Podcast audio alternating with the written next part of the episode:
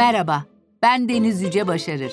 Kitaplar hakkında konuşmayı, dinlemeyi ve tabii okumayı sevenlerin podcast'ine hoş geldiniz. Ben okurum, başlıyor.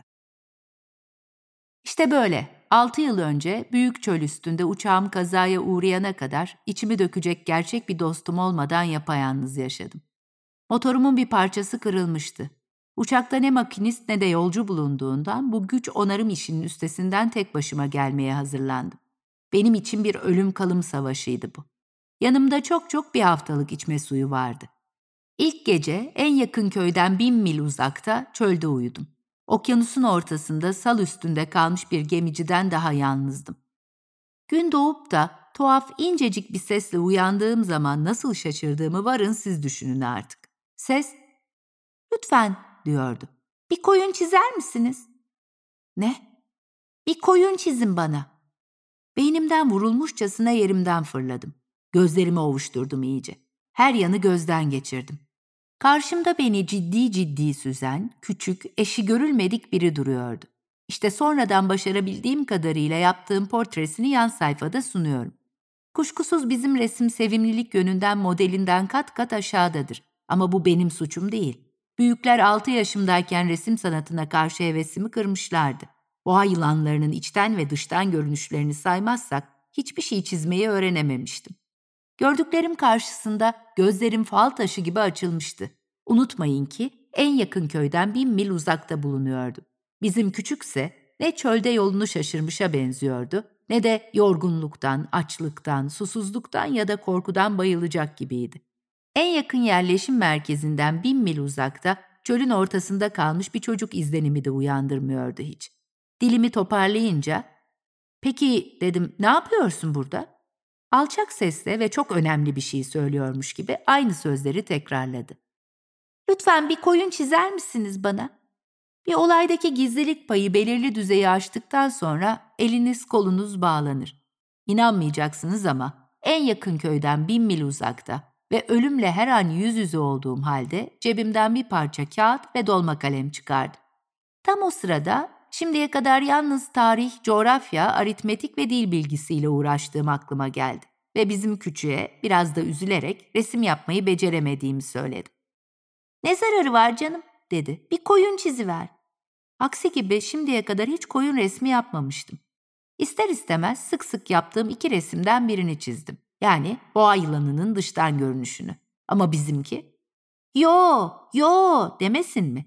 Boğanın içindeki bir fili istemiyorum. Boğa çok tehlikeli bir yaratıktır. File gelince o da çok yer kaplar.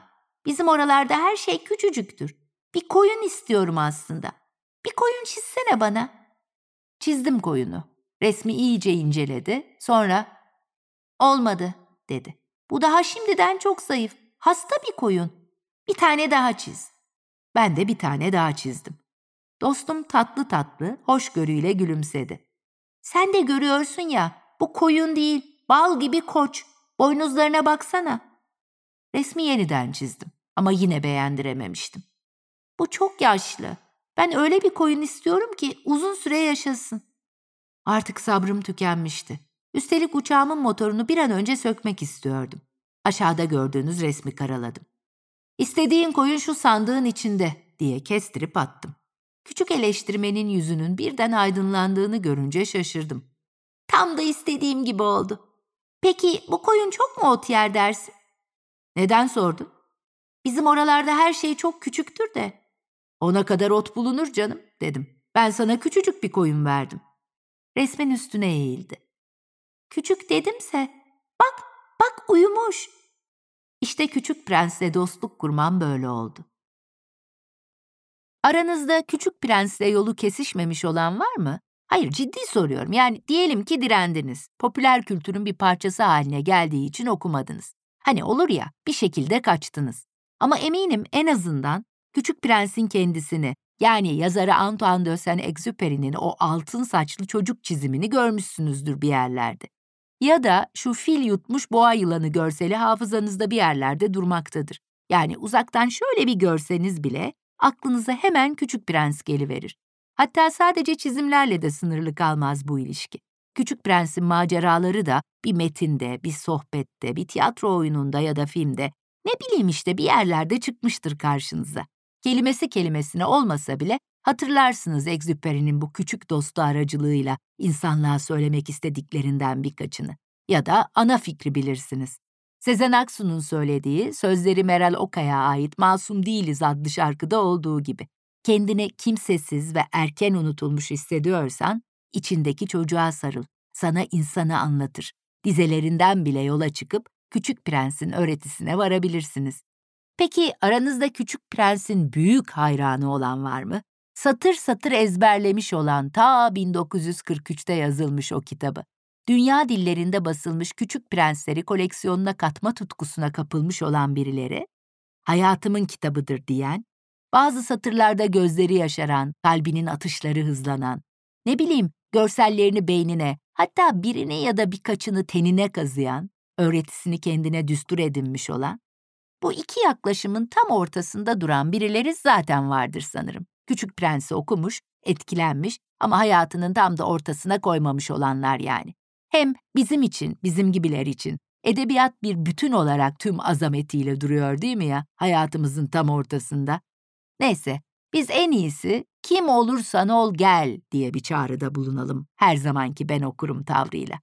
Dünyanın dört bir yanındaki okurları bu denli etkilemiş bir kitap hakkında konuşurken her görüşten dostun kendine yakın bulacağı cümleler çıkar ağzımızdan nasıl olsa. Ve eminim tersi de olur. Maksat hepimizin hayatında yeri olan bir kitabı birlikte hatırlamak, yazarına bir selam çakmak. Biz sevgili yazar ve çevirmen arkadaşım Mahir Ünsal Eriş'le öyle yaptık, birlikte hatırladık. 2012 yılında çıkan ilk öykü kitabı Bangır Bangır Ferdi Çalıyor Evdeden beri yazdıklarını hayranlıkla takip ettiğim Mahir'e gel Küçük Prens konuşalım dediğimde hiç ikiletmedi sağ olsun. Buyurun efendim. Mahirce ve denizce bir Küçük Prens muhabbeti size. Sen Exupéry e, hemen 20. yüzyılın başında doğmuş. iki savaş atlatmış, atlatamamış daha doğrusu. İki savaş görmüş. E, hatta İspanya İç Savaşı'nda da muhabir olarak katılmış, orada da bulunmuş. Bu maceralı ve değişimlerle dolu hayat mıdır sence onu Küçük Prens gibi bir kitap yazmaya getiren? Aslına bakarsan bu benzer bir şey ben çok defaatle düşündüm. Çünkü Küçük Prens'in genelinde bir insanın mayasından ümidi kesmeyip ama insanın aktüel durumundan korkunç bir ümitsizlik ve yalnızlık duygusuna kapılma hali alıyorum. Öyle öyle bir hava seziyorum. Biraz galiba böyle insanın aslında iyi bir malzemeyle dünyaya geldin ama hayat şartlarının onu olabildiğince dejenere edip olabildiğince kötüye ve karanlığa çeken bir tarafı olduğunu düşünüyormuş gibi hissettim hep. Yani bu kadar çok savaş görmüş, bu kadar savaşın içinde bulunmuş yani bil fiil aktif katılımcı olarak içinde bulunmuş birinin böyle bir duyguya kapılması normal tabii düşününce ama bilmiyorum herhalde insanla ilgili bir problemi var. Çünkü yani Küçük Prens'in geneli sadece insana değil düpedüz insanlığa mesajlar gönderen bir metin. Evet aslında e, diyebiliriz herhalde değil mi? Varoluş sorunlarına dair bir çeşit öğreti gibi de Küçük Prens öyle de algılanan bir metin ve e, felsefi bir bakış açısıyla değerlendirmemek elimizde olmuyor. Ve çocuk kitabı gibi de lanse ediliyor ama çocuklara ne kadar geçtiğini e, hep merak etmişimdir. Aslında belki de bu soruyu yetişkinlere ne kadar geçiyor diye de sormak lazım. Yani hangisi daha doğru olur o soruş biçimini bilemiyorum. Sen ne dersin? Ben Küçük Prens'in kesinlikle bir çocuk kitabı olmadığını hatta olamayacağını düşünüyorum. Yani çocukların orada başka bir yazarlık numarası var bence. Yani asıl mesele çocuklara kitap yazmak değil de yani kızım sana söylüyorum sen anla gelinim türünde bir şey. Sanki çocuklara bir şeyler söylüyormuşçasına aslında yetişkinlere verilen mesajlar dolu bir kitap. Ayrıca tabii şimdi politik doğruculuğun da yönlendirdiği bir çağda yaşıyoruz. Metin olarak Küçük Prens bir çocuğun önüne konacak bir metin değil aslına bakarsın. İçinde sarhoşlar var, ölümler var, işte avcılar var falanlar var filanlar. Hani bunlar böyle yani şimdi düşününce ya ben mesela çocuğum okusun istemem yani. yani böyle ben bir gün işte Tenten seyrederken yakaladım oğlanı.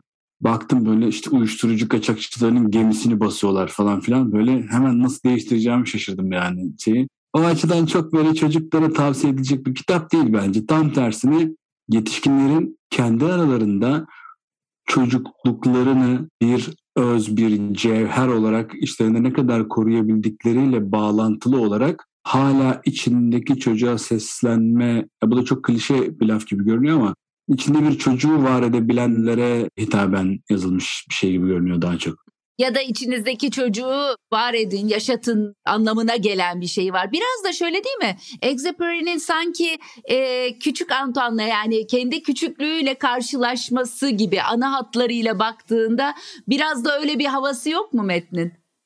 Bence düpedüz öyle zaten. Hmm. Yani bence Küçük Prens'ten kastı tam olarak kendi çocukluğu. Yani özellikle hikayeye bir resim çizme mazerasını anlatarak başlaması ve bütün bir hikayeyi yine kendi çizdiği resimler üzerine kurması.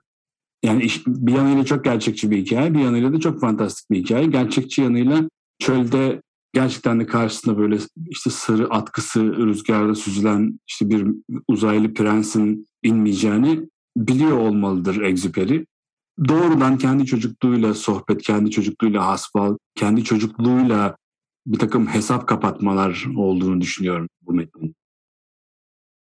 Antoine de Saint-Exupéry bir aristokrat aslına bakarsanız. 29 Haziran 1900'de, evet tam da 20. yüzyılın başında Fransa'nın Lyon şehrinde dünyaya gelen Antoine, 4 yaşındayken babası ölüyor ve ailenin serveti hızla tükenmeye başlıyor.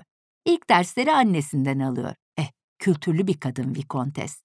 Daha sonra sırasıyla Le Monde'da bir cizvit okulunda, ardından da İsviçre'de eğitim görmeye başlıyor. Ama okulla hiçbir zaman arası iyi olmuyor.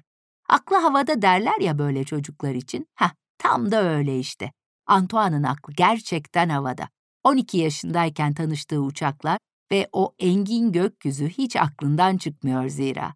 Annesi denizcilik okuluna girmesini istiyor ancak sınavlarda çakıyor bizimki. Sonra birkaç ay mimarlık fakültesine devam ediyor. 21 yaşında da orduya çağrılıyor. Bir yıl sonra Fransız Hava Kuvvetleri'ne katıldığında uçaklar artık gerçek anlamda giriyor hayatına. Pilotluk eğitimi alıyor, Casablanca'da görev yaptıktan sonra brövesine de kavuşuyor. Macera kanına işlemiştir artık. Yükseklerin o özgür havasını soluduktan, dünyanın farklı köşelerine bulutları delerek vardıktan sonra iflah olmayacağı bellidir. Ama yine de o dönem nişanlı olduğu ve ileride bir yazar olarak tanınacak olan Louis Levent de Villemoran'ın ailesi onaylamadığı için uçmayı bırakır. Zaten bu arada sayısız uçak kazalarından ilkini de geçirmiştir. Ofis işi derler. Damat bey, ofis işi yap. Ne bu böyle tehlikeli göklerde süzülme sevdası? O da söz dinler. Fakat ilişki yürümeyecek, Saint-Exupéry'de 1926 yılında kendini yeniden atacaktır bulutların üstüne. Uluslararası posta servisinin öncülerinden biri olarak Toulouse'la Dakar arasında mekik dokumaya başlar. İçindeki macera duygusunu, o çocuksu ve haşara özgürlük tutkusunu besleyen uçma eylemi ve uçaklar ona edebiyat dünyasında da bir kapı aralıyordur bu sırada. Gökyüzüne döndüğü yıl ilk novellası Havacı'da bir edebiyat dergisinde arzı endam etmiştir. 1929'da da ilk kitabı Güney Postası yayımlanır. Artık sadece pilot değildir o. Pilotluk deneyimlerini şiirsel üslubuyla anlattığı bir yazarlık ve gazetecilik kariyerinin de başlangıç noktasındadır. Ona edebiyat alanında asıl şöhreti getirecek olan romanı Gece Uçuşu ise 1931 yılında buluşur okurlarla. Prix Femina ödülünü kazandığı bu eserle yükselmeye başlamıştır yıldızı. Hani Küçük Prens'in kapağından bize göz kırpan yıldızlar var ya, onlar serpilmektedir işte hayatının üzerine. Sadece mesleki hayatına vermez yıldızlar parlaklığını, aşk hayatı da ışıldamaktadır. El Salvadorlu ressam ve yazar Consuelo Sunsin'e kaptırmıştır gönlünü bizim pilot yazarımız. Ölümüne kadar inişli çıkışlı, kavgalı barışmalı, kimi zaman coşkulu, kimi zaman suskunluklarla dolu, ayrılıklarla güçlenen ve aynı zamanda yine ayrılıklarla zorlaşan bir ilişki sürdüreceği Consuelo ile evlenir 1931 yılında. 30 Aralık 1935'te Paris ile Saigon arasında gerçekleşen bir uçak yarışı sırasında sabaha karşı saat 02.45'te 19 saat 44 dakikalık uzun bir uçuşun ardından Libya çölüne düşer Saint-Exupéry'nin uçağı. Yanında ekip arkadaşı Andre Prevost da vardır. Bir mucize eseri her ikisi de sağ kurtulurlar kazada. Ellerindeki araçlar o kadar yetersizdir ki nerede olduklarını bile tam kestirememektedirler. Çölün sıcağı vücutlarındaki sıvıyı bir canavar gibi emmektedir. Zaten sadece bir gün yetecek kadar içme suyu vardır yanlarında. Dehidrasyon denen korkunç canavar, gerçeklerle aralarına bir perde gibi iner zamanla. Gayipten sesler duyarlar, halüsinasyonlar görürler. Çöldeki dördüncü günlerinde devesinin üstünde bir bedevi kurtarıcıları olur. Bu deneyim, yazarın 1939 yılında yayımlanan ve aynı yıl Amerika'da Ulusal Kitap Ödülünü kazanan Rüzgar, Kum ve Yıldızlar adlı hatıralarından beslenen kitabında detaylı olarak yer alır. Evet, bizim bugün İnsanların Dünyası adıyla bildiğimiz kitabın ilk adı Rüzgar, Kum ve Yıldızlardır. Sonradan ismini değiştirdiği için pişman da olur Saint-Exupéry. O yüzden de İngilizce'de bu isimle basılmayı sürdürür kitap. Yakın arkadaşı André Gide'in ısrarıyla yazdığı bu eserle Fransız Akademisi Roman Büyük Ödülünü de kazanır. Küçük Prens'in de platosu olacaktır Joy. Saint-Exupéry'nin zihninde kendini ilk gösterdiği yerdir. Bir yanıyla gerçek bir hikayedir Küçük Prens'te anlatılan. Çöle düşmüş bir pilotun nereden geldiği bilinmeyen küçük bir çocukla dostluğu, onun aracılığıyla insanlığın çeşitli hallerine, onların akılcılık dedikleri aldatmacanın özüne ineceği bu kısa ama derin yolculuk tüm eserlerinde olduğu gibi yine kendi deneyimlerinden beslenecektir.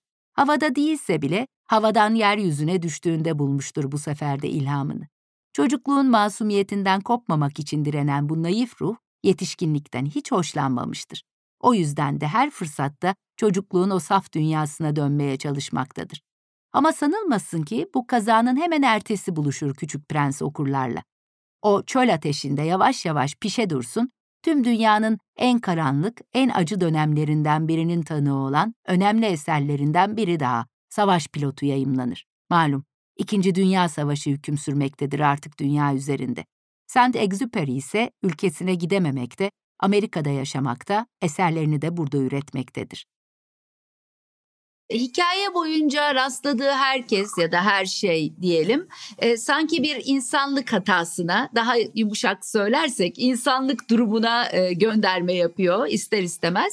Ama önce herhalde e, pilotla Küçük Prens'in karşılaşmasındaki şu çizim meselesinden başlamak lazım. Yani o e, boğa yılanının yuttuğu filden başlamak lazım. Yani bakış açılarımızdan başlamak lazım herhalde değil mi? Hem öyle hem bir yanıyla boğa yılanının neden fil yuttuğunu da biraz düşünmek lazım. Yani bazen herhalde yani yetişkinlerle ilgili şöyle bir ima da var orada. Bazen yetişkinler eğer içini görmüyorlarsa bir meselenin ya da içini görmemeye razılarsa o zaman fil büyüklüğünde bir meseleyi bile görmezden gelebiliyorlar gibi bir ima da olabilir belki orada. Evet doğru o da olabilir ee, ama bir yandan da sanki ne görmek istiyorsak onu görüyoruz ya da kafamızda öylesine şablonlar var ki işin özünü de göremiyoruz da geliyor tabii. E tabii ilk gördüğümüze aldanıyoruz gibi bir şey de var. Yani hani bir şeyin önün arkasını araştırmadan gözümüze ilk yansıyan haliyle ilk intibağı ciddiye alıyoruz sadece gibi bir ima, böyle bir gönderme de olabilir tabii. Bir de fazla öğrenilmişlikle bakıyoruz, fazla öğrenmişlikle bakıyoruz gibi bir şey de var herhalde. Yani bir çocuk saflığıyla baktığın zaman, daha temiz bir bakış açısıyla baktığın zaman daha çok şeyi görebilirsin savı da var sanki orada. Evet zaten sadece çocuklar gerçeği görebilirler. Ne diyor? Yalnız çocuklar ne aradıklarını bilirler diyor. Çok anlaşılır bir şey bu yani insanın soru sormayı bıraktıkça yetişkinlik kazandığını kendi e, deneyimimden biliyorum. Beşinci gün Küçük Prens'in gizini çözebildim. Her zaman olduğu gibi bunu yine koyuna borçluyum. Birdenbire uzun bir süre sessizlik içinde biriktirilmiş bir sorunu ortaya koyar gibi hazırlıksız soru vermişti. Koyun küçük bitkileri yerse çiçekleri de yiyecektir değil mi? Koyun ne bulursa yer. Dikenli çiçekleri de mi yani? Tabii, dikenlileri de. Peki dikenler neye yarıyor öyleyse? Bilmiyordum. O sırada motorumun sıkışmış bir vidasını gevşetmeye çabalıyordum. Uçağımın durumu hafife alınır cinsten değildi. Bu yüzden tasalar içindeydim. Öte yandan içme suyum da bitmeye yüz tuttuğundan başıma gelecekleri korkuyla bekliyordum. Dikenler neye yarar? Küçük prens bir soru sorsun, karşılığını alıncaya kadar susmuyordu. Benimse vidaya takılmıştı aklım. Gelişi güzel konuştum. Dikenler hiçbir şeye yaramaz. Çiçeklerdeki kötülüğün belirtisidirler. Ne? Kısa bir sessizlik oldu. Sonra küçük prens bir çeşit hınçla patladı. İnanmıyorum sana. Çiçekler zavallı yaratıklardır. Kötülük nedir bilmezler. Ellerinden geldiğince kendilerine güvenmeye çalışırlar. Dikenlerine bakıp bakıp güçlü olduklarını sanırlar. Karşılık vermedim. O sırada başka bir hava çalıyordum. Şu vida diretirse diyordum, bir çekiç vuruşuyla söküp atacağım.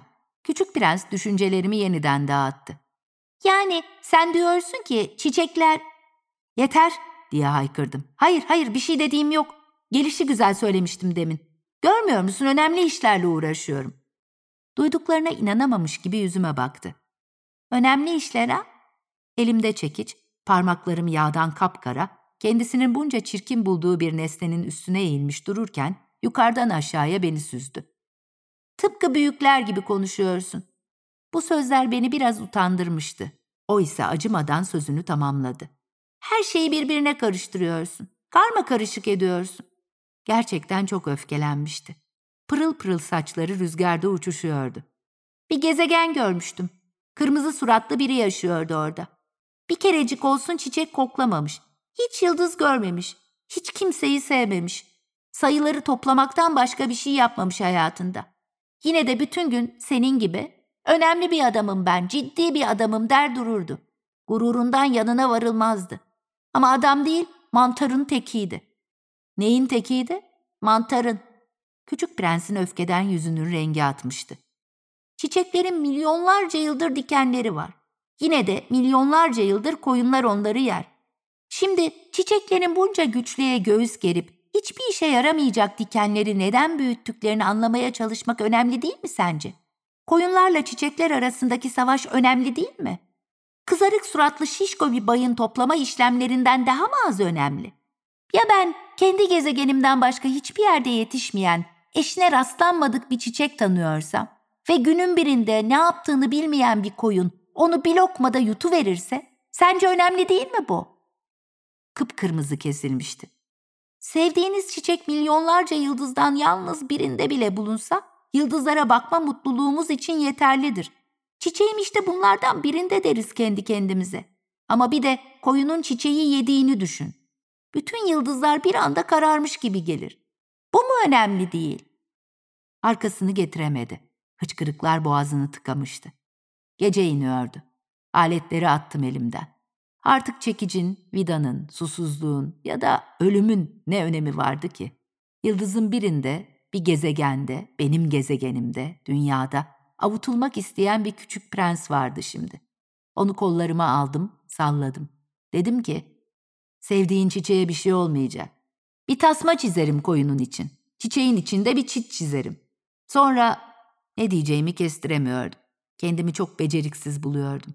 Ona nereden yaklaşılır, nasıl ulaşılır bilmiyordum. Ne kavranılmaz bir yer şu gözyaşı ülkesi. Benim e, kitapta en sevdiğim ikilem lerden biri bu gül ve e, tek gül ve gül tarlası meselesi. Bunu herhalde hı hı. biraz e, tilkinin bizim küçük prense ehlileştirme ile ilgili söyledikleriyle de birleştirerek düşünmek lazım. Hatta gülün de eşini simgelediği söylenir. Sen e, bu ikilemle ilgili neler söyleyeceksin? Aslına bakarsan ben orada tüm özen gösterdiklerimiz, göstermek durumunda olduklarımız ya da bizden özen bekleyenler başlığında toplanabilecek hemen herkesin, her şeyin yani hatta bunun içinde işte çeşitli uğraşlarımız, meraklarımız, hobilerimiz bile olabilir gibi daha genel düşünmüşüm herhalde yani. Sen biraz daha romantik e, bakmışsın konuya ama bilmiyorum olabilir, olabilir tabii. Çünkü orada biraz kendi hikayelerine de baktığımız zaman e, karı kocanın sanki biraz oraya da gidiyor ama haklısın. Tabii ki bunu genişletmek mümkün. Bütün e, üstüne titrememiz gerekenlerin e, hepsini de içerebilir bu hikaye elbette. Sadece bir eş durumu değil. Bir sürü alegori var aslında. Bir sürü de karşılaştığı hikaye yani insanlar var ve dolayısıyla hepsi bize bir hikaye getiriyor. Başta da söylediğim gibi. İş adamı var, kral var, işte coğrafyacı var, ayyaş var, fener bekçisi var. Ee, bunlar genel olarak sana neler diyorlar bunları teker teker de tabii söyleyebiliriz ya da benim atladığım bir şey varsa e, senin çok ilgini çeken metinde ne olabilir? Hiç böyle düşünmemiştim. Yani bunların bir takım toplumsal temsiliyetleri olduğunu düşünmek herhalde çok yanlış olmaz. Krallar, kendini beğenmişler, alkolikler, fener bekçileri. Evet. Falan bunlar belki belki toplum belki de toplumdaki aydınları temsil ediyordu bilmiyorum çünkü neden ışık yakıyorlar bilmiyoruz yani hani neden özellikle ışık imgesi seçilmiş bunu anlatırken bilmiyorum ama toplumdaki bir takım sınıfsal kültürel kimliklerin işaret edildiğini düşünmek herhalde çok yanlış olmaz. Ama benim e, burada yine dikkatimi çeken şey hangisiydi ya sarhoş olan mıydı? Küçük Prens karşılarında sigara içiyor. Ben mesela çocuğumu okutmam yani bu kitabı. Böyle işte yani sigaralar, işte içkiler, bilmem neler falan filan. Hafazan Allah yani hiç istemem. evet yani işte dediğin gibi biraz önce de çocuk metni olarak zorlayıcı e, aslında da fazla felsefi baktığın zaman zaten. Hani tüm örnekler ama Bilmiyorum siz e, Oylum'la ne neler okuyorsunuz Ethem'e ve e, siz okuduğunuz zaman işin rengi değişiyor ya yani bir büyük eşliğinde okunduğu zaman kitaplar ona onunla bazı şeylerin sohbetini yapabilmek için de bir vesile oluyor ya e, belki böyle bakarsak biraz daha büyüdüğü zaman okunabilir diye düşünüyor insan. E, siz neler okuyorsunuz Oylum'la Ethem'e ne yapıyorsunuz nasıl bir yol izliyorsunuz? Yani şöyle bir şey, burada çok fazla Türkçe kitaba erişme şansımız olmadığı için genellikle sadece benim çevirdiğim çocuk kitaplarını okuyabiliyorum öteme. çünkü çünkü çünkü bir tek onları gönderiyorlar. ben de çok çocuk kitabı çeviriyorum. Yani çok sık çocuk kitabı çeviriyorum. O yüzden pek kaynak sıkıntımız olmuyor. Bunun dışında bir takım böyle kendine has karakterleri, kahramanları falan var Ethem'in. Onları özellikle çok seviyor. Örneğin işte Stickman bunlardan biri. Stickman'e çok düşkündür. Benim çevirdiklerimden e, işte bu Harold'lar var. Onları çok seviyor. Sonra benim çevirmediklerimden senin de elindeydi kitaplardan Tavşan, Can ve Fare Suyu çok seviyor. Evet. Şeyleri çok seviyor. Mogları. Ne onun adı? Dombili. Dombili. Dombili. Dombili. Dombili'ye bayılıyor. Yani Dombili'nin bütün serisini e, artık öyle ezbere biliyor ve şey sürekli aynı şeyi okumaktan artık fenalık geldiği için ben sürekli yeni varyasyonlar yaratarak yani metne bağlı kalmadan okuyorum artık bir noktadan sonra. Öyle olunca da tabii her okuduğumuzda başka bir kitap ortaya çıkıyor. Yazar Ama o şey Moga yani işte do, o Dombili'ye falan çok şey borçluyuz yani herhalde bir, bir buçuk yılımızı falan kurtardı. Hatta Türkiye'ye gidince eksiklerini bile aldık yani. Değil mi? Dombili çok güzel. Gerçekten Tavşancan ve Faresu da onun yaş grubu için çok güzel. Çünkü çizimlerinde de çok e, hikaye üretilebilecek detay var. Aynen öyle, aynen öyle. Hatta şey Stickman de aynı e, yazarın kitabı. Ha tabii tabii. Ee, şey, çöp, çöp adam mı? Öyle bir şey değil mi? Çöp, çöp adam, dal, dal adam mı? Evet, Bilmiyorum evet. tam şey. Şeflerle Julia Donaldson'ın şeyi. E, ikili evet, evet, evet, evet. Evet, evet. Evet, evet. Ben de Hazan'a çok okumuşumdur onları. Onları çok seviyor işte öyle. Ne güzel. Küçük Prens'i de belki biraz daha sonra gene siz okuyabilirsiniz belli bölümlerini. yani işte böyle Küçük Prens'le ilgili yani kimse alınmasın ama şöyle bir şey söylemek istiyorum. Dünyada çok geniş baskı sayılarına ulaşmış. Çok sayıda dile çevrilmiş. Böyle işte milyonlarca, milyonlarca insanın gözünde ikonik bir yer kazanmış. Bütün kitapları bir okuyup bilenler, bir okuyup sevenler, bir de okuyup fanatik olanlar diye üç grup oluyor. Yani bu İncil içinde böyle, Komünist Manifesto içinde böyle, işte Küçük Prens içinde böyle. Ben bu tür kitapların, yani bunun içinde İncil de dahil, Komünist Manifesto da dahil, Küçük Prens de dahil, çocukların kendi e, akıl bali oldukları yaşlarda kendi karar ve tercihleri doğrultusunda okunmasından yanayım da bir... Diyerek kıvırayım. E, çok güzel kıvırdın. Aslında hazır böyle kıvırmışken e, şunu da konuşmak lazım. Şimdi öyle ya da böyle ne demek istediğini gayet iyi anlıyorum. Küçük Prens e, bir öğreti gibi dedik ya sanırım aslında e, vurgulanması gereken şey bu. Yani bir öğretiyi e, küçük bir çocuğun kafasına zerk etmek yerine kendi kararıyla e, dediğin gibi akıl bali olduğu zaman istediğini alıp istediğini almayacağı e, yorumlayabileceği zaman kendisinin okuması haklısın çok doğru.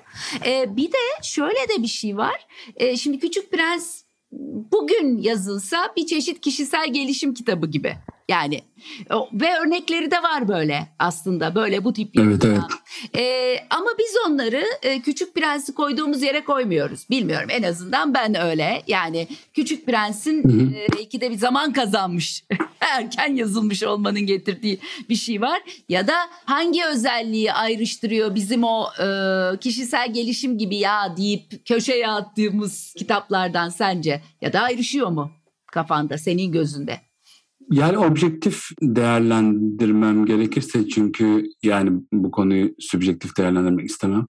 Objektif değerlendirmem gerekirse e, e, e, tabii ki ayrılıyor. Yani zaten hani vurguladığımız kısım bu ya yani Komünist Manifesto'nun da İncil'in de Küçük Prens'in de asıl meselesi bu kadar çok insana ulaşmış olması değil, öğretisini bu kadar çok insana ulaştırabilmiş olması. Yani hepsinin bir bir mesajı, bir duygusu var. Belki bir gün Sapiens de böyle bir kitap olacak. Bilmiyoruz tabii. Belki de sadece öyle bir rüzgardı, işte esti geçti ve 10 yıl sonra kimse hatırlam hatırlamayacak. Belki işte Tanrıların arabaları gibi öyle bir kitap olup kalacak belki bir gün bir yerde ama Küçük Prens'i öne taşıyan, Küçük Prens'i avantajlı kılan ve onu bir kişisel gelişim kitabı olarak tırnak içinde hakir görüp burun kıvırmamamızı sağlayan şey nedir?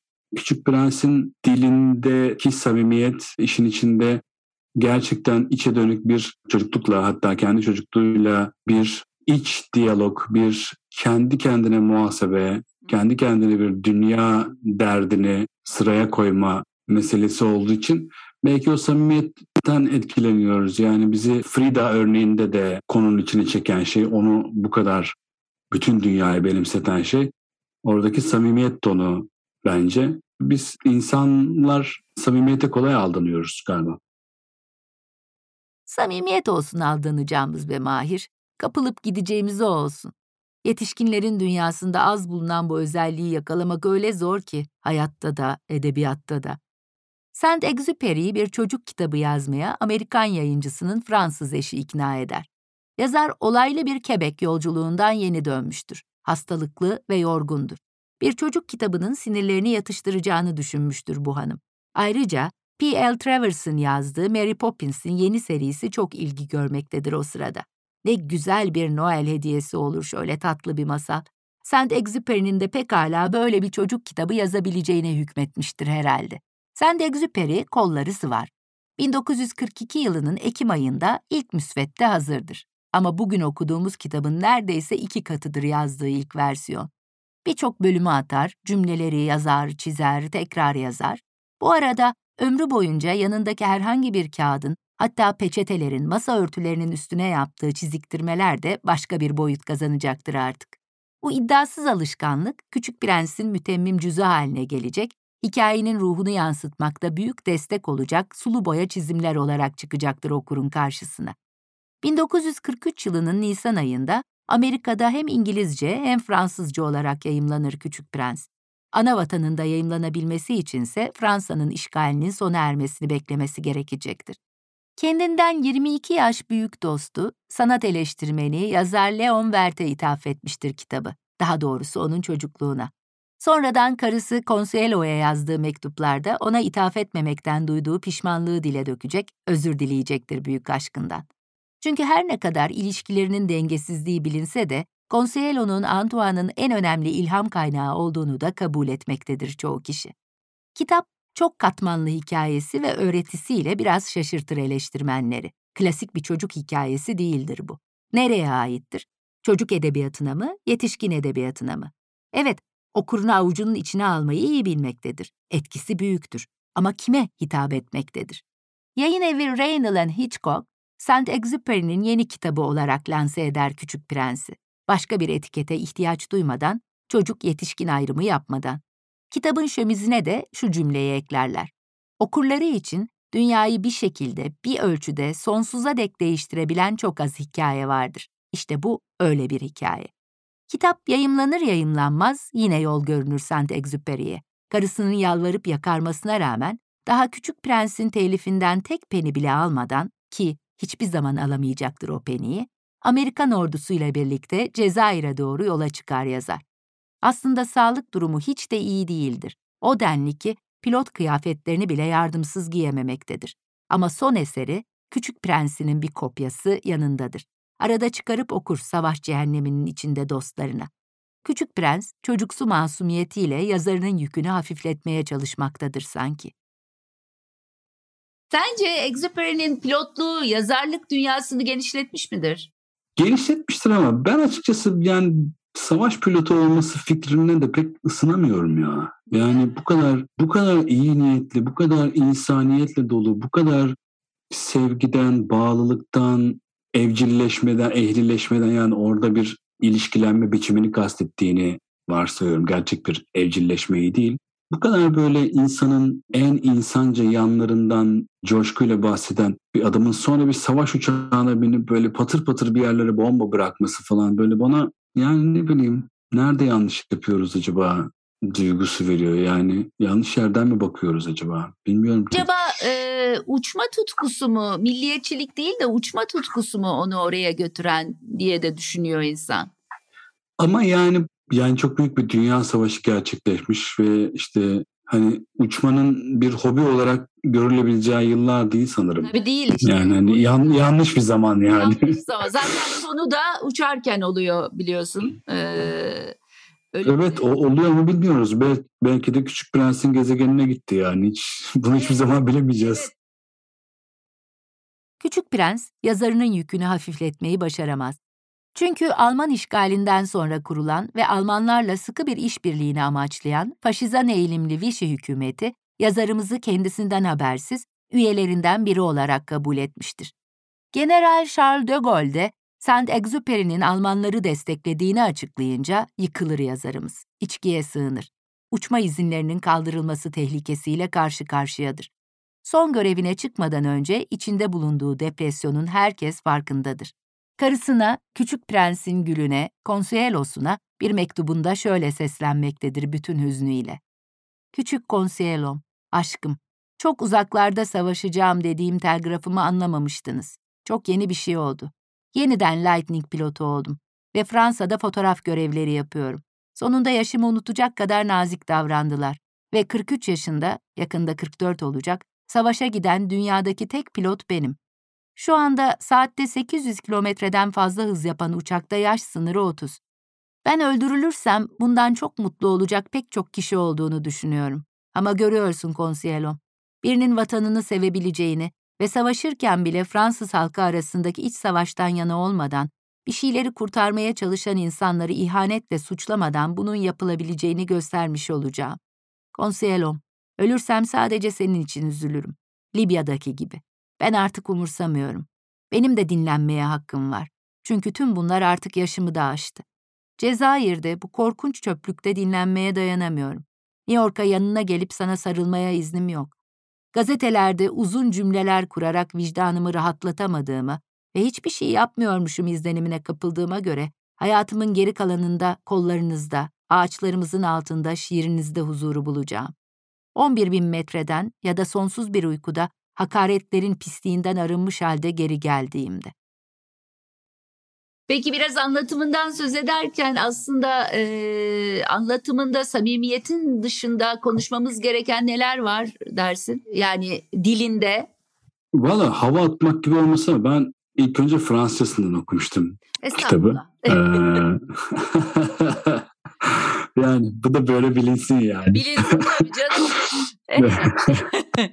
Ve Açıkçası e, benim için çok heyecan verici bir deneyimdi. Çünkü Fransızca öğrenirken okumuştum. İlk defa bir kitabı okuyabiliyor olmak beni çok heyecanlandırmıştı. Küçük Prens, Mahmut ee, oku... Eriş Fransızcayı Küçük Prens'ten öğrendi falan diye başladı. Mesela. Başladı. E, e, evet. Fransızca öğrenirken okuduğum kitaplardan bir diğeri de İncil'di. Çünkü bunlar dilleri çok basit, gramerleri çok girift, görünmeyen metinler olduğu için genellikle hocalar tarafından önerilir. Ben de dil dersi verdiğim insanlara öneririm. Bunlar hani gramerce basit metinler. Çocuk kitapları da önerilir ee, zaten değil mi? Evet, evet, evet. Çok çok Her zaman tavsiye ederim çocuk kitabı okumayı da. Ben Fransızcasından çok etkilenmiştim ama ilk defa bir Fransızca metni bu kadar kolaylıkla okuyup anlıyorum diye mi etkilenmiştim bilmiyorum. Seneler sonra birkaç Türkçe çevirisini de okudum. Hatta en son seninle buluşacağız diye Tomri Suya, Cemal Süreyya çevirisini okudum. Hadsizlik etmek istemem ama bence çok eleştirilecek tarafları olan bir çeviri. Ne açıdan? Ee, yani birincisi artık eskimiş bir çeviri. Yani belki de yayınlanmadan önce biraz güncellenmeliydi diye düşünüyorum. Yani tamam çocuk kitabı değil yetişkinler okuyacak ama yani yetişkinlerin de dili yenileniyor. Dil çok organik bir şey çünkü. İkincisi bazen böyle bir tuhaf bir yani o Cemal Süreyan şiirlerinde de vardır o böyle bir böyle bir mahalle ağzına, sokak ağzına böyle bir hafif bir temayül vardır yani böyle ton olarak. Onu çok sezdim okurken. Bir de tabii şöyle bir şey var. Yani bu işte Tomris Suyar da işte Cemal Süreya da böyle artık personalarıyla gözümüzün önünde olan insanlar oldukları için yani hem bir sesleri var, bir bir ifadeleri var, bir, bir tatları, bir kokuları var. Yani bu kadar dünyaya mal olmuş bir kitap okurken sık sık Cemal Süreyya'nın sesini duymak bana çok iyi gelmedi şahsen. Yani hani daha daha profesyonel bir tavır belki de daha tatmin edici olabilirdi diye düşünüyorum ama ya sonuçta adam da Cemal Süreya yani hani bir yandan da hani yani yani evet yani e, ortaya koymadan e, edemiyor olabilir öyle bir kalem olabilir değil mi? Ama biliyorsun artık bir çok çeviri seçeneği var Türkiye'de. Çeviri meselesine gelmişken aslında bence bunu da konuşalım. Ee, burada işte gezegenlerden birini e, keşfeden e, fesli bir Türk hikayesi var. Ve, e, ve bir Türk diktatörü diye değil mi? Sen Fransızcasını okuduğuna göre aslında evet, evet. da aydınlık. Evet, evet. Aslında diktatör. orijinal metinde diktatör deniyor. Bizdeki çevirilerde çoğunlukla işte önder, lider, e, dediğim dedik yani evet, evet. kelimelerle yumuşak. Evet, evet. Hatta bir dönem sanırım bu yüz temel eserden de çıkartıldı bu ibareler yüzünden. evet, bizde çünkü dava konusu olur yani öyle bir şeyin yayınlanması. Çünkü o biliyorsun koruma kanunları falan filan var. Dedirtmezler yani. Aslına bakarsanız orada diktatörün bir söylem olarak yer alması bana çok incitici gelmiyor. Yani hani oradaki mesaj yani orada çizilen portre aslında son derece pozitif, son derece olumlu, son derece bir adam geldi ve dünyayı değiştirdi oralarda diyen bir tonu var. Diktatörün tabii yani kullanımı da e, zaman içerisinde çok değişti yani hani kaç yılında basıldı Küçük Prens bilmiyorum ama sen biliyor musun? E, 43. E, yani ondan sonra çok büyük dünya savaşları, büyük diktatörler, şunlar bunlar falan filan gördü. Diktatörün anlamı da biraz değişti. Halbuki dikte eden ve yani yaptıran gibi böyle daha daha sempatik bir anlamla da kullanılmış olabilir. Yani yapın diyor ve yapılıyor gibi sempatik bir anlamla kullanılıyor olabilir. Evet. E, bir de zaten aslında işin özü şu. Yani kıyafetinden dolayı ciddiye alınmayan bir bilim adamını daha sonra e, kıyafeti batılılara yaklaştığı zaman ciddiye alma fikri e, art, aslında ağır basan mevzu bana sorarsan. Evet yani orada diktatöre çok takılmamak lazım ya. Biz takılırız ama biliyorsun. Yani, yani ayrıca, ayrıca şöyle de bir şey var. Yani diktatör olarak görüyor da olabilirler. Yani sonuçta bu yani dünyanın yarısı Stalin'den nefret ediyor. Başka bir yarısı da Stalin'i tapıyor yani. Hani bu bu Stalin'in kim olduğu gerçeğini değiştirmez ki. Yani ya da işte Atatürk'ün Türkiye'de kim olduğu, neye karşılık geldiği gerçeğini değiştirmez ki. Yani Exupéry Atatürk'e diktatör dedi diye yani acaba diktatör müydü falan diye böyle bir hani bir, bir, bende bir uyanışa yol açmadı yani. 31 Temmuz 1944 günü Korsika'daki hava üssünden silahsız bir P-38 ile havalandı Saint-Exupéry. Bir keşif ve fotoğraflama uçuşuydu bu. Alman uçaklarının tümünden hızlı olduğu iddia edilen Kartal olarak adlandırdıkları uçak da pilotu kadar yorgun ve yaralıydı. İkisi de yedeğe alınmışlardı aslında ama yine de inatla göklerde süzülmeye çalışıyorlardı. Kanıtlayacak bir şeyleri vardı sanki. Varlıkları mı? İşe yaradıklarını gösterme azimleri mi? Vardı ikisini de yeniden göklere çıkmaya zorlayan bir şeyler. St. Maurice de Romain'deki Exupéry'lerin şatosunun üzerinden de geçti P-38 büyük olasılıkla ve son bir kez daha geçmişe, çocukluğun kaybolmuş masumiyetine sığınmaya çalıştı pilotu da belki. Kuş bakışı seçti o şatonun bahçesinde dolaştığı güzel günleri. Belki de insanların dünyasında kendi elleriyle yazdığı satırları geçirdi aklında. Bir yerlerde kara çalılarla, ıhlamurlarla dolu bir bahçeyle sevdiğim bir ev vardı. Uzak ya da yakın olmasının, şimdi bedenimi ısıtmamasının, beni barındıramamasının fazla bir önemi yoktu. Var olması gecemi varlığıyla doldurmasına yetiyordu. Bir kumsala varmış bir beden değildim artık. Yönümü bulabiliyordum. Bu evin çocuğuydum. Kokularının anılarıyla, koridorlarının serinliğiyle, bir zamanlar kendisini canlandıran seslerle doluydum. Su birikintilerindeki kurbağaların türküsü bile gelip beni buluyordu burada. Bu satırları hatırlayıp mırıldandı mı gerçekten bilinmez ama Sen Exuperi yetişkinlerin dünyasından siliniverdi uçağıyla beraber. Dönemedi hava üstüne. Uçuşlarda hep yanında bulundurduğu not defterine en son ne yazdı ya da çizdi onu da bilmiyoruz. Tamamlamayı başaramadığı, mektuplarında büyük romanım diye söz ettiği kale ölümünden sonra 1948'de yayımlandı ve son eseri oldu böylece. Ardında hiçbir iz bırakmadan döndü masumiyet ülkesine Saint-Exupéry. Bir yıldız oldu kondu gökyüzüne. Manşetler edebiyat aleminin bu uçan yıldızının kaybolduğunu yazdı dünyanın dört bir yanında. Günler sonra kimliği belirlenemeyen bir ceset bulundu Marsilya'nın güneyinde. Odur dediler. Küçük prensin dostu ve babası. Consielo'nun uçarı aşkı. Aldılar gömdüler toprağa. Yıllar yıllar sonra 1998'de bir balıkçı yine Marsilya'nın güneyinde bir adanın açıklarında bir bileklik buldu denizde. Üstünde Saint Exupéry, karısı Consuelo ve Amerikan yayıncısı Reynald Hitchcock'un adı yazılıydı. Bir kumaş parçası takılmıştı ucuna. Muhtemelen pilot giysisinden bir parça.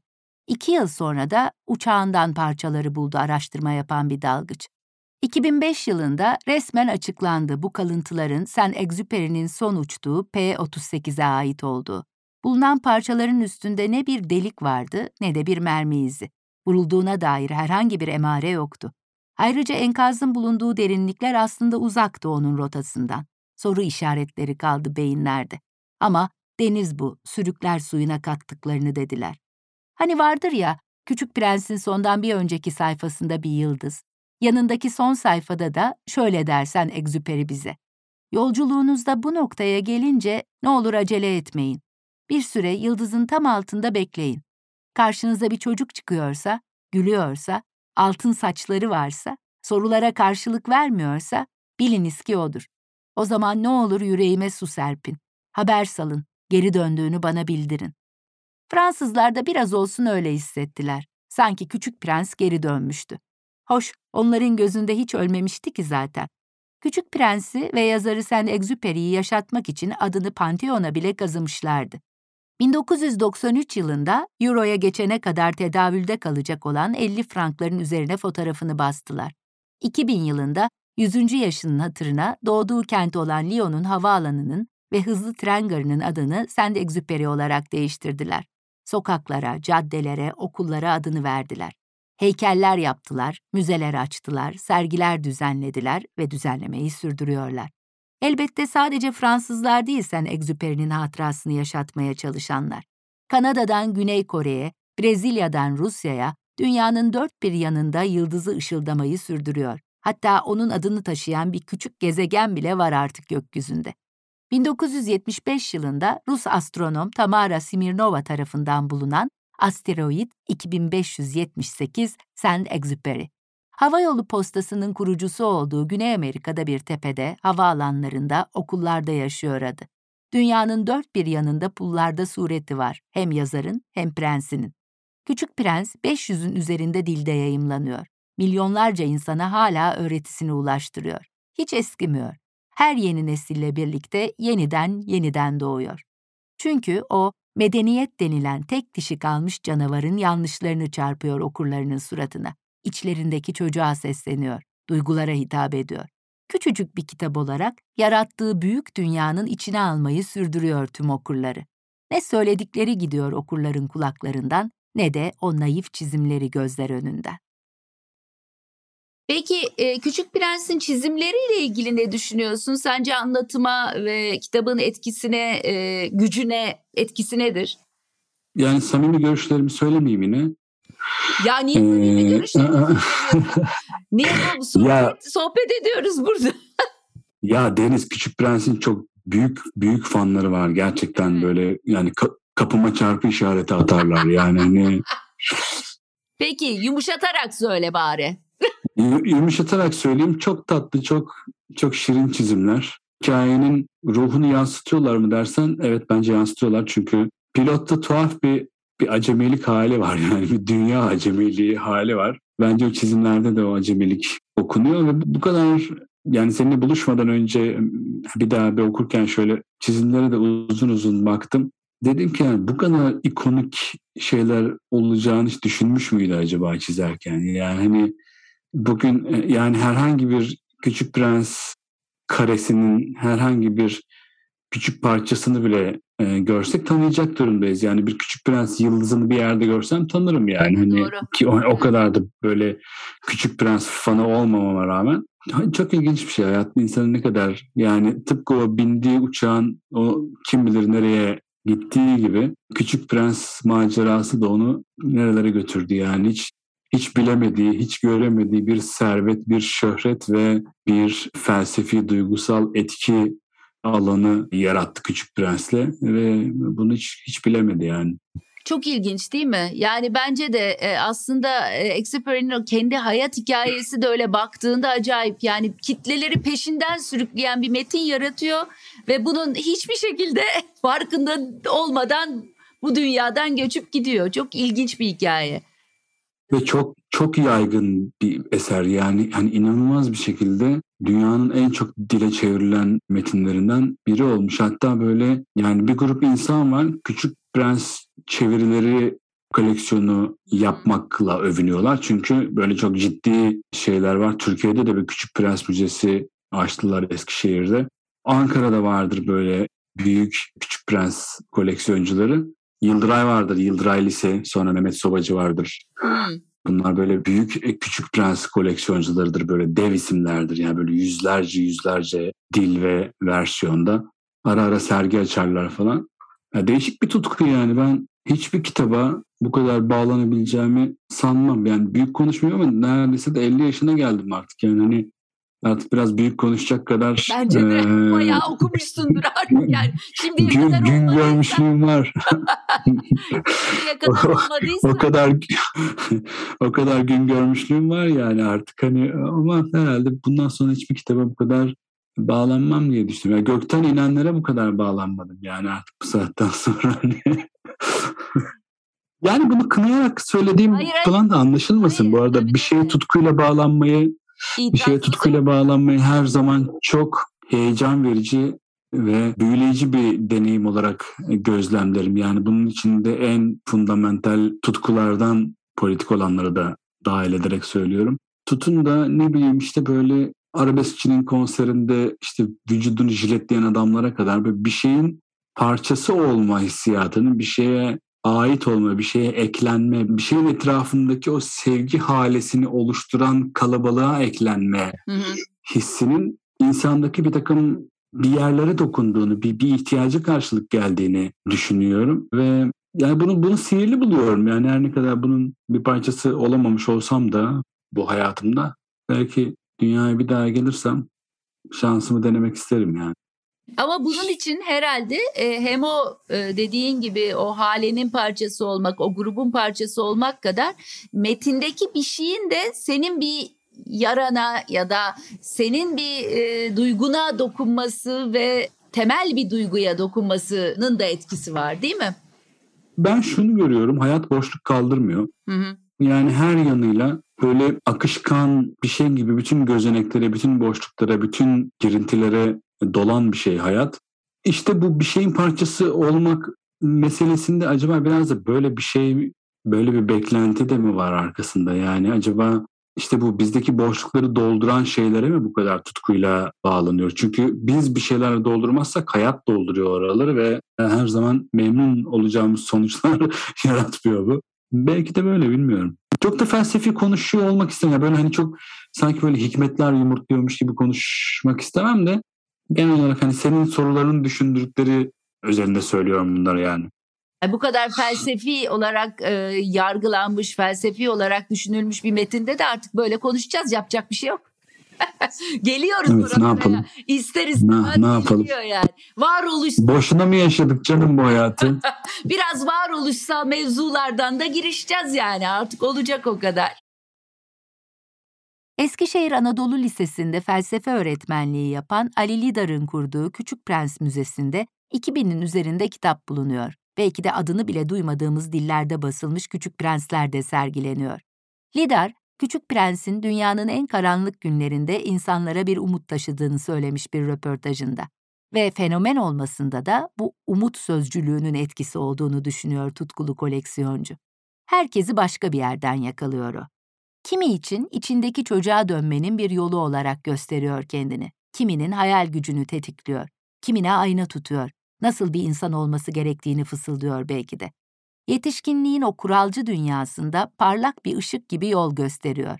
Despotu, kibirliği, zayıflığıyla kendine eziyet edeni, kendini ve dünyadaki konumunu fazla ciddiye alanı, hayatını görevleriyle sınırlayıp eğlenceli yanını gözden kaçıranı, gerçeği uzaklarda arayıp kendi gerçeğini keşfedemeyeni, gözlerini açıp kalbini kapatanı, sevdiğine özen göstermeyi unutanı, gül bahçelerinde kaybolup kendi o biricik gülünü yalnızlığa terk edeni, özgürlüğünü koruyamayanı, hepsini, herkesi, hepimizi yıldızının parlaklığıyla, lüle lüle sarı saçlarıyla, kibarca, tatlı tatlı bir çocuk naifliğinde uyarıyor belki de. Herkesin küçük prensi başka işte. Herkese başka bir yerden dokunuyor. Fanı olun ya da olmayın fark etmez. Okuduğunuzda yer ediyor en az birkaç cümlesi kalbinizde. Tilki sustu ve uzun bir süre küçük prensi süzdü. Ne olursun evcilleştir beni, dedi. Çok isterdim ama vaktim az. Dostlar edinmeli, yeni şeyler tanımalıyım. Yalnız evcilleştirdiğin şeyleri tanıyabilirsin, dedi tilki. İnsanların tanımaya ayıracak zamanları yok artık. Aldıklarını hazır alıyorlar dükkanlardan. Ama dost satan dükkanları olmadığı için dostsuz kalıyorlar. Dost istiyorsan beni evcilleştir işte. Evcilleştirmek için ne yapmalıyım? Çok sabırlı olmalısın. Önce benden biraz ötede çimenlerin arasında oturacaksın. Şöyle, ben seni göz ucuyla süzeceğim. Sen ağzını açmayacaksın. Çünkü sözcükler yanlış anlama kaynağıdır. Her gün biraz daha yakınımda oturursun. Ertesi gün küçük prens yine geldi. Hep aynı saatte gelsen daha iyi olur, dedi tilki.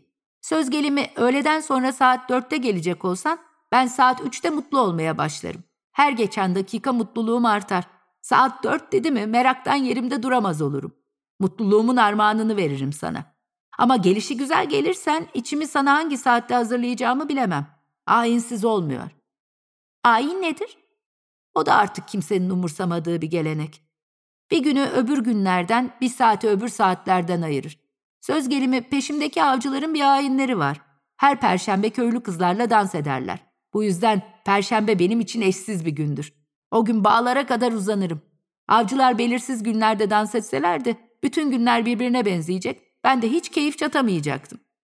Küçük prens tilkiyi evcilleştirdi. Ayrılık saati yaklaşınca tilki, ah dedi, gözyaşlarımı tutamayacağım. Suç sende, dedi küçük prens. Sana kötülük etmeyi düşünmemiştim. Kendin istedin evcilleşmeyi. Orası öyle. Şimdi de gözyaşlarını tutamıyorsun. Orası öyle. Öyleyse bundan bir kazancın olmadı. Oldu, oldu dedi tilki. Başak tarlaları meselesi. Sonra ekledi. Git bir daha bak güllere. Seninkinin eşsiz olduğunu anlayacaksın. Sonra gel helalleşelim. Sana bir sır vereceğim. Küçük prens güllere bir daha bakmaya gitti. Siz benim gülüme hiç mi hiç benzemiyorsunuz. Şimdilik değersizsiniz. Ne sizi evcilleştiren olmuş ne de siz kimseyi evcilleştirmişsiniz. Tilkim eskiden nasıldı öylesiniz. O da önceleri tilkilerden bir tilkiydi. Ama ben onu dost edindim. Şimdi dünyada bir tane. Güller güç duruma düşmüşlerdi. Güzelsiniz ama boşsunuz diye ekledi. Kimse sizin için canını vermez. Buradan geçen herhangi bir yolcu benim gülümün size benzediğini sansa bile o tek başına topunuzdan önemlidir. Çünkü üstünü fanusla örttüğüm odur. Rüzgardan koruduğum odur. Kelebek olsunlar diye bıraktığımız birkaç tanenin dışında bütün tırtılları uğrunda öldürdüğüm odur. Yakınmasına, böbürlenmesine, hatta susmasına kulak verdiğim odur. Çünkü benim gülümdür o. Sonra tilkiyle buluşmaya gitti. Hoşça kal, dedi. Hoşça git, dedi tilki. Vereceğim sır çok basit. İnsan ancak yüreğiyle baktığı zaman doğruyu görebilir. Gerçeğin mayası gözle görülmez. Küçük prens unutmamak için tekrarladı. Gerçeğin mayası gözde görülmez. Gülünü bunca önemli kılan uğrunda harcadığın zamandır. Küçük prens unutmamak için tekrarladı. Uğrunda harcadığım zamandır. İnsanlar bu gerçeği unuttular. Sen unutmamalısın. Evcilleştirdiğin şeyden her zaman sen sorumlusun. Gülünden sen sorumlusun. Küçük prens unutmamak için tekrarladı. Gülümden ben sorumluyum. Antoine de Saint-Exupéry'nin gülü, ilham kaynağı, Consuelo'su ile ilişkisinin inişli çıkışlı olduğunu söylemiştik. Yazarımız da gül bahçelerinden geçmiştir. Kokladığı güllerde Consuelo'da olmayan ne bulmuştur bilemeyiz ama onlar iki uçarı insan birbirlerini mutlu etmeyi başaramadıklarını hissettiklerinde birbirlerinden kaçan ama hep yeniden yeniden birbirlerine dönen bir çift olarak yaşadılar hayatlarını. Antoine serseri ve havai ruhluysa Consuelo da altta kalmıyor, hatta onu da aşıyordu. Biri aristokrattı, diğeri bohem. Para ikisi için de hiç önemli değildi. Düşüncesizce harcıyorlardı. Bazen birbirlerini de aynı şekilde harcıyorlardı zaten. Saint-Exupéry karısına yazdığı mektuplarda özlemini haykırıyor, küçük sevgilim, büyücüm benim diye hitap ediyordu ama kimi zaman da beklentilerini karşılamadığından dem vuruyor, sitem ediyordu. Endişelerimden beni kurtarıp etraftaki gürültüyü sonlandıracak ve bana sığınak olacak bir kadın istiyorum diye yazıyordu.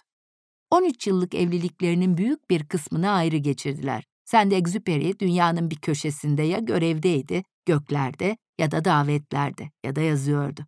Başka kadınlar da oluyordu hayatında. Consuelo yalnızlığını yenmeye çalışıyordu. Kimi zaman hastalıklarla, kimi zaman kıskançlıklarla. Bazen sessizliklerde, bazen çığlıklarda kendini gösteren yalnızlığını. O da şöyle yazıyordu mesela mektuplarında. Sana ömür boyu seni nasıl sevdiğimi anlattım ve bunun bana nasıl acı verdiğini. Bu ayrılıkların beni mutsuz ettiğini. Bana şöyle demiştiniz. Hayatın sonu geldiğinde, öldüğünde Tanrı sana diyecek ki, çocuğum sen cenneti ve cehennemi yaşadın, Tonyo ile yaşadın. Sana ne verebilirim ki? Ve devam ediyordu. Yardım edin bana. Kollarınızda güvende olacağım günü anlatın bana. Korkmadan, aşkından korkmadan. Antoine de Saint-Exupéry, karısının Tonyo'su, yazdıklarıyla yaşadıkları birbirinden ayrılmaz bir koca adam işte. Hayatını okuduğunuzda Küçük Prens'e başka bir açıdan bakıyorsunuz ister istemez. Onun hayatının, ilişkilerinin izlerini buluyor, yaşadığı çağın karanlığına dair söylemek istediklerini daha da iyi anlamaya başlıyorsunuz. Ama böyle okumak şart değil elbette. Biraz da çocukluğun o el dokunulmamış saflığına dair yazılmış bir metni herkes kendi saf bakışıyla değerlendirmekte özgür olmalı değil mi? Seç, beğen, al vatandaş. Senin küçük prensin hangisi? Şeyi e, altını çizmişim. Bunu gerçekten iliklerime kadar hissettiğim için altını çizmişim. Kimse yerinden memnun değildir dedi makasçının altını çizmişim. Bu gerçekten insanlığın, insanlık tarihinin tek cümleyle özeti olabilir yani. Kimse yerinden memnun değildir. Yani bundan 3 milyon yıl kadar önce volkan lavları üzerinde ayak izleri bırakan işte Australopithecus insanından bugüne bütün insanlık 3 milyon yıldır yani kıtadan kıtaya, denizden denize, dağdan dağa, ovadan ovaya seyahat ediyor, yolculuk ediyor, kendine mekan arıyor, olmuyor, oradan başka yere göçüyor. Oraya başkaları göç ettiği için onlardan rahatsız olduğu için başka yere göçüyor. Bu sefer o göçtüğü yerde onlardan rahatsız oluyorlar. Orada savaş çıkıyor, şu oluyor, bu oluyor. Bütün insanlık tarihi kimsenin yerinden memnun olmaması üzerine kurulu denebilir. o yüzden kitapta aynı zamanda bir de yerinden kıpırdamayan yani yerinden e, keşif yapan e, coğrafyacıydı değil mi? Hani hiç kıpırdamayan evet, evet, evet. o da var. Yani e, aslında hayat... yerinden tek memnun olan o. hayatımız çelişki. İnsan insanlar olarak, insan türü olarak hayatımız çelişki. Evet bunun için bunun altını çizmişim yani kimse yerinden memnun değildir. Bence bence harika bir söz. Düşünüyorum yerimden memnun muyum diye.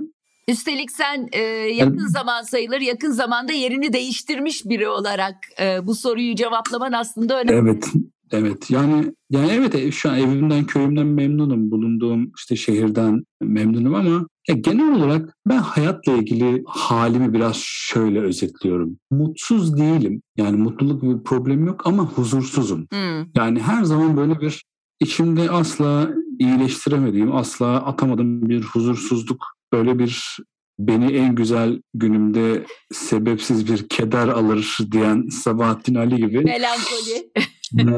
yani böyle hep böyle bir şey vardır ya böyle Windows'un arka planda çalışan uygulamaları vardır. Oradan bütün şeyi RAM'i kullanırlar ve bilgisayarı yavaşlatırlar falan. Öyle bir huzursuzluk duygusunun sürekli olarak arka planda çalıştığını ve hayat enerjimden çaldığını hissediyorum ama ama mutsuzluk diyemem buna yani. O yüzden e, nerede olduğumun çok bir önemi yok herhalde. Çünkü nereye gitsem kendimi de yanımda götürüyorum. O yüzden yani yerinden memnun olmak diyemeyebilir, yerinden memnun olmamak diyemeyebilirim durumuma. Peki Mahir o huzursuzluk değil mi biraz da e, yazmaya iten, bir şeyler yapmaya insanı yönlendiren? Yani belki çok huzurlu e, olan insanların da yaratıcılıkları biraz daha sınırlı mı oluyor acaba ne dersin? Valla bu soruya şöyle bir soruyla cevap vereyim. Peki ya yazmaya ihtiyaç duymayacak kadar huzurlu olsaydık? Yani bunu istemez miydin? Evet tabii doğru. Ben, yani, ben, ben, ben çok isterdim. Öyle. Yani kendi adına öyle tabii. Ama işte edebiyat severler için farklı oluyor. Çok haklısın. Yani çok huzurlu bir insan olup kalabalığın içinde kaybolmak bana daha hayatın tadına varmak gibi geliyor yani. Şunun altını çizmişim. Çölde karşılaştığı çiçeğe insanlar yok mu diye soruyor Küçük Prens. Çiçekte işte galiba 6-7 insan var diyor yıllar önce görmüştüm. Ama kim bilir şimdi neredeler? Rüzgarla sürüklenmişlerdir. Kökleri yok, yaşamaları güç oluyor bu yüzden. E, gerçekten bizim oradan oraya sürüklenmemizin aslında kök salamıyor olmamızla bir alakası olabilir mi diye düşündüğüm için bunun altını çizmişim. Yani öncekiyle hemen hemen aynı motivasyonla ona çok yakın bir şeyin altını çizmişim. Bizim hakikaten kökümüz yok. Yani biz herhalde tabiattaki en aciz canlı biziz. Yani ne bileyim kartallar gibi uçamıyoruz, uzağa göremiyoruz. Kedi türleri gibi hızlı koşamıyoruz. Ne bileyim ayı gibi pençelerimiz yok. Pençesiyle balık yakalıyor yani. Hani işte ne bileyim işte köpek kadar iyi koku alamıyoruz. Toprağa kazamıyoruz, saklanamıyoruz, örtünemiyoruz. İşte böyle ne bileyim işte ağaçlar gibi yüzyıllarca yaşamıyoruz. İşte çiçekler açamıyoruz falan. Böyle hani böyle inanılmaz bir aciz içindeyiz dünyada. Yani çok karanlık bir tablo çiziyor gibi oldu şimdi ama genel olarak işte böyle köklerimiz olmadığı için bir yerde kök salamadığımız için yaşamamız güç oluyor. Küçük Prens'in çiçeğinin de dediği gibi. Ama tabii bu toplumdan topluma da değişen bir şey. Ben e, Çinli bir arkadaşından şey duymuştum mesela 13 nesildir aynı evde yaşıyorlarmış. Yani kabaca bir hesapla herhalde 4. E, Mehmet dönemine kadar gider diye düşünüyorum İstanbul'da yani. E şimdi yani sen gitsen mesela ilkokulu okuduğun apartmanı bulamazsın yani. İşte ne bileyim gençken gittiğin yazlık sinemayı bulamazsın. Orası işte bir şey olmuştur, bir şey olmuştur bilmem nedir falan filan. Ya ben geçenlerde babaannemin evini e, aramaya gittim Çanakkale'de. Daha doğrusu bir şey yazıyordum da böyle hani o sokağı düşünerek anlatmıştım. Bir, bir göreyim sokağı dedim. Babaannemin evini bulamadım. Sonra karşıdaki bakkalı tanıdım da oradan çıkardım. Sokaktaki bütün evleri yıkıp yerlerine apartmanlar yapmışlar. Ve bu böyle yüzyıllar süren bir şey değil yani. Evet, Çok olsun 10 yıldır falan gitmemişimdir oraya yani. içinde oluyor bunlar yani. Evet evet. İşte ben yaşarken oldu bütün bunlar diyor ya onun gibi. Allah ne yazık ki öyle. Ee, her şeyden şikayetçi, her şeyden sızlanan, işte insana ilenen, efendime söyleyeyim aman dünya şöyle dünya böyle diyen bilmem ne böyle işte sosyal medyanın popüler tabiriyle bir boomer portresi çizdim sanırım Küçük Prens'ten bahsetmek üzere gelip. Ya aslında bu kadar bu kadar böyle nekes, böyle bu kadar huysuz, bu kadar böyle nalet bir adam değilim yani. yani sadece işte Küçük Prens beni bize efkara bunları, sürükledi evet, herhalde. Evet, Küçük Prens bize bunları düşündürdü. Küçük Prens elbette sinemaya da uyarlandı. Hem de kaç kez. Bir Broadway müzikali olarak da çıktı okurlarının karşısına. Dillerde name oldu.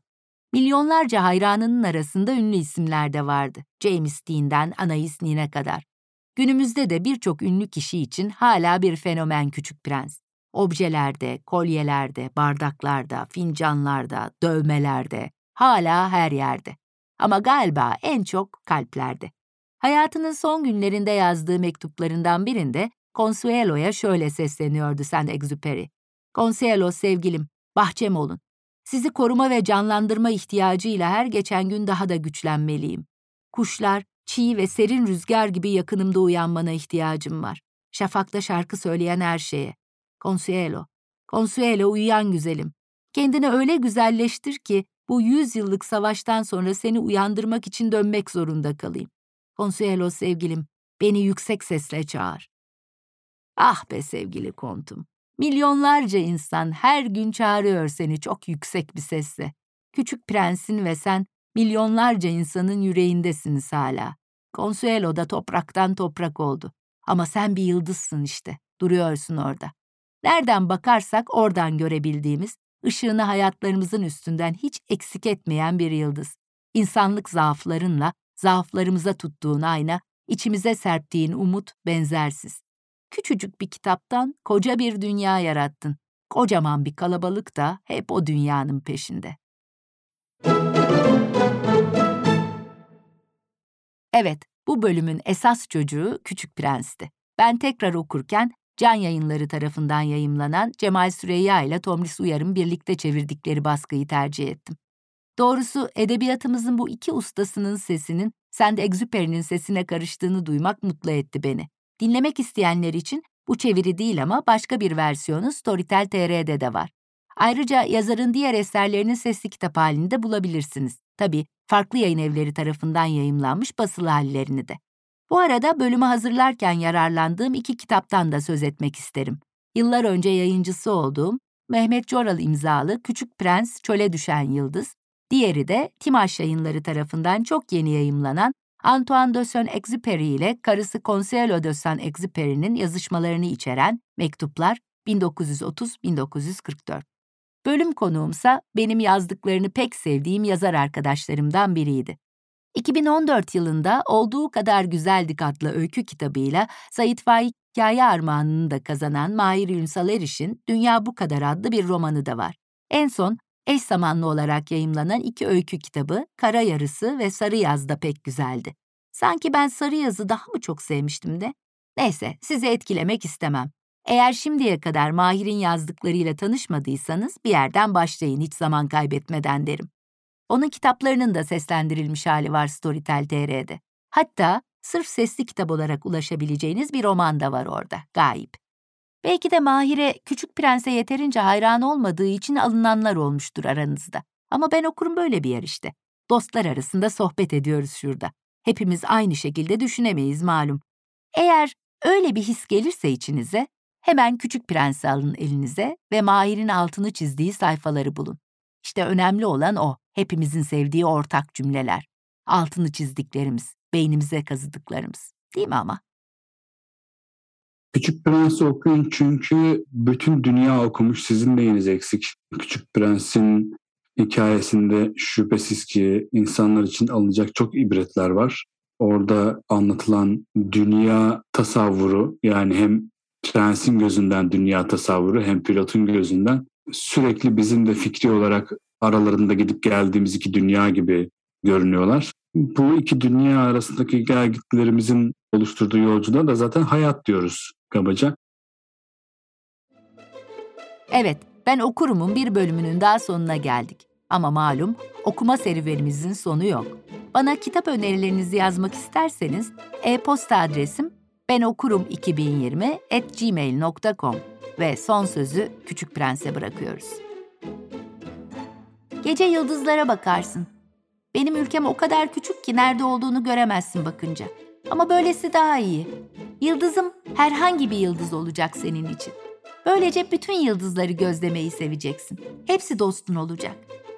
Şimdi sana armağanını vermek sırası geldi. Güldü yine. Küçük dostum, Biricik küçük dostum. Bu gülüşü duymak öyle güzel ki. Benim armağanım da bu işte. Hani suyu içtiğimiz zaman var ya, hep öyle kalacak. Ne demek istiyorsun? Herkesin bir yıldızı var ama kimseninki birbirine benzemiyor.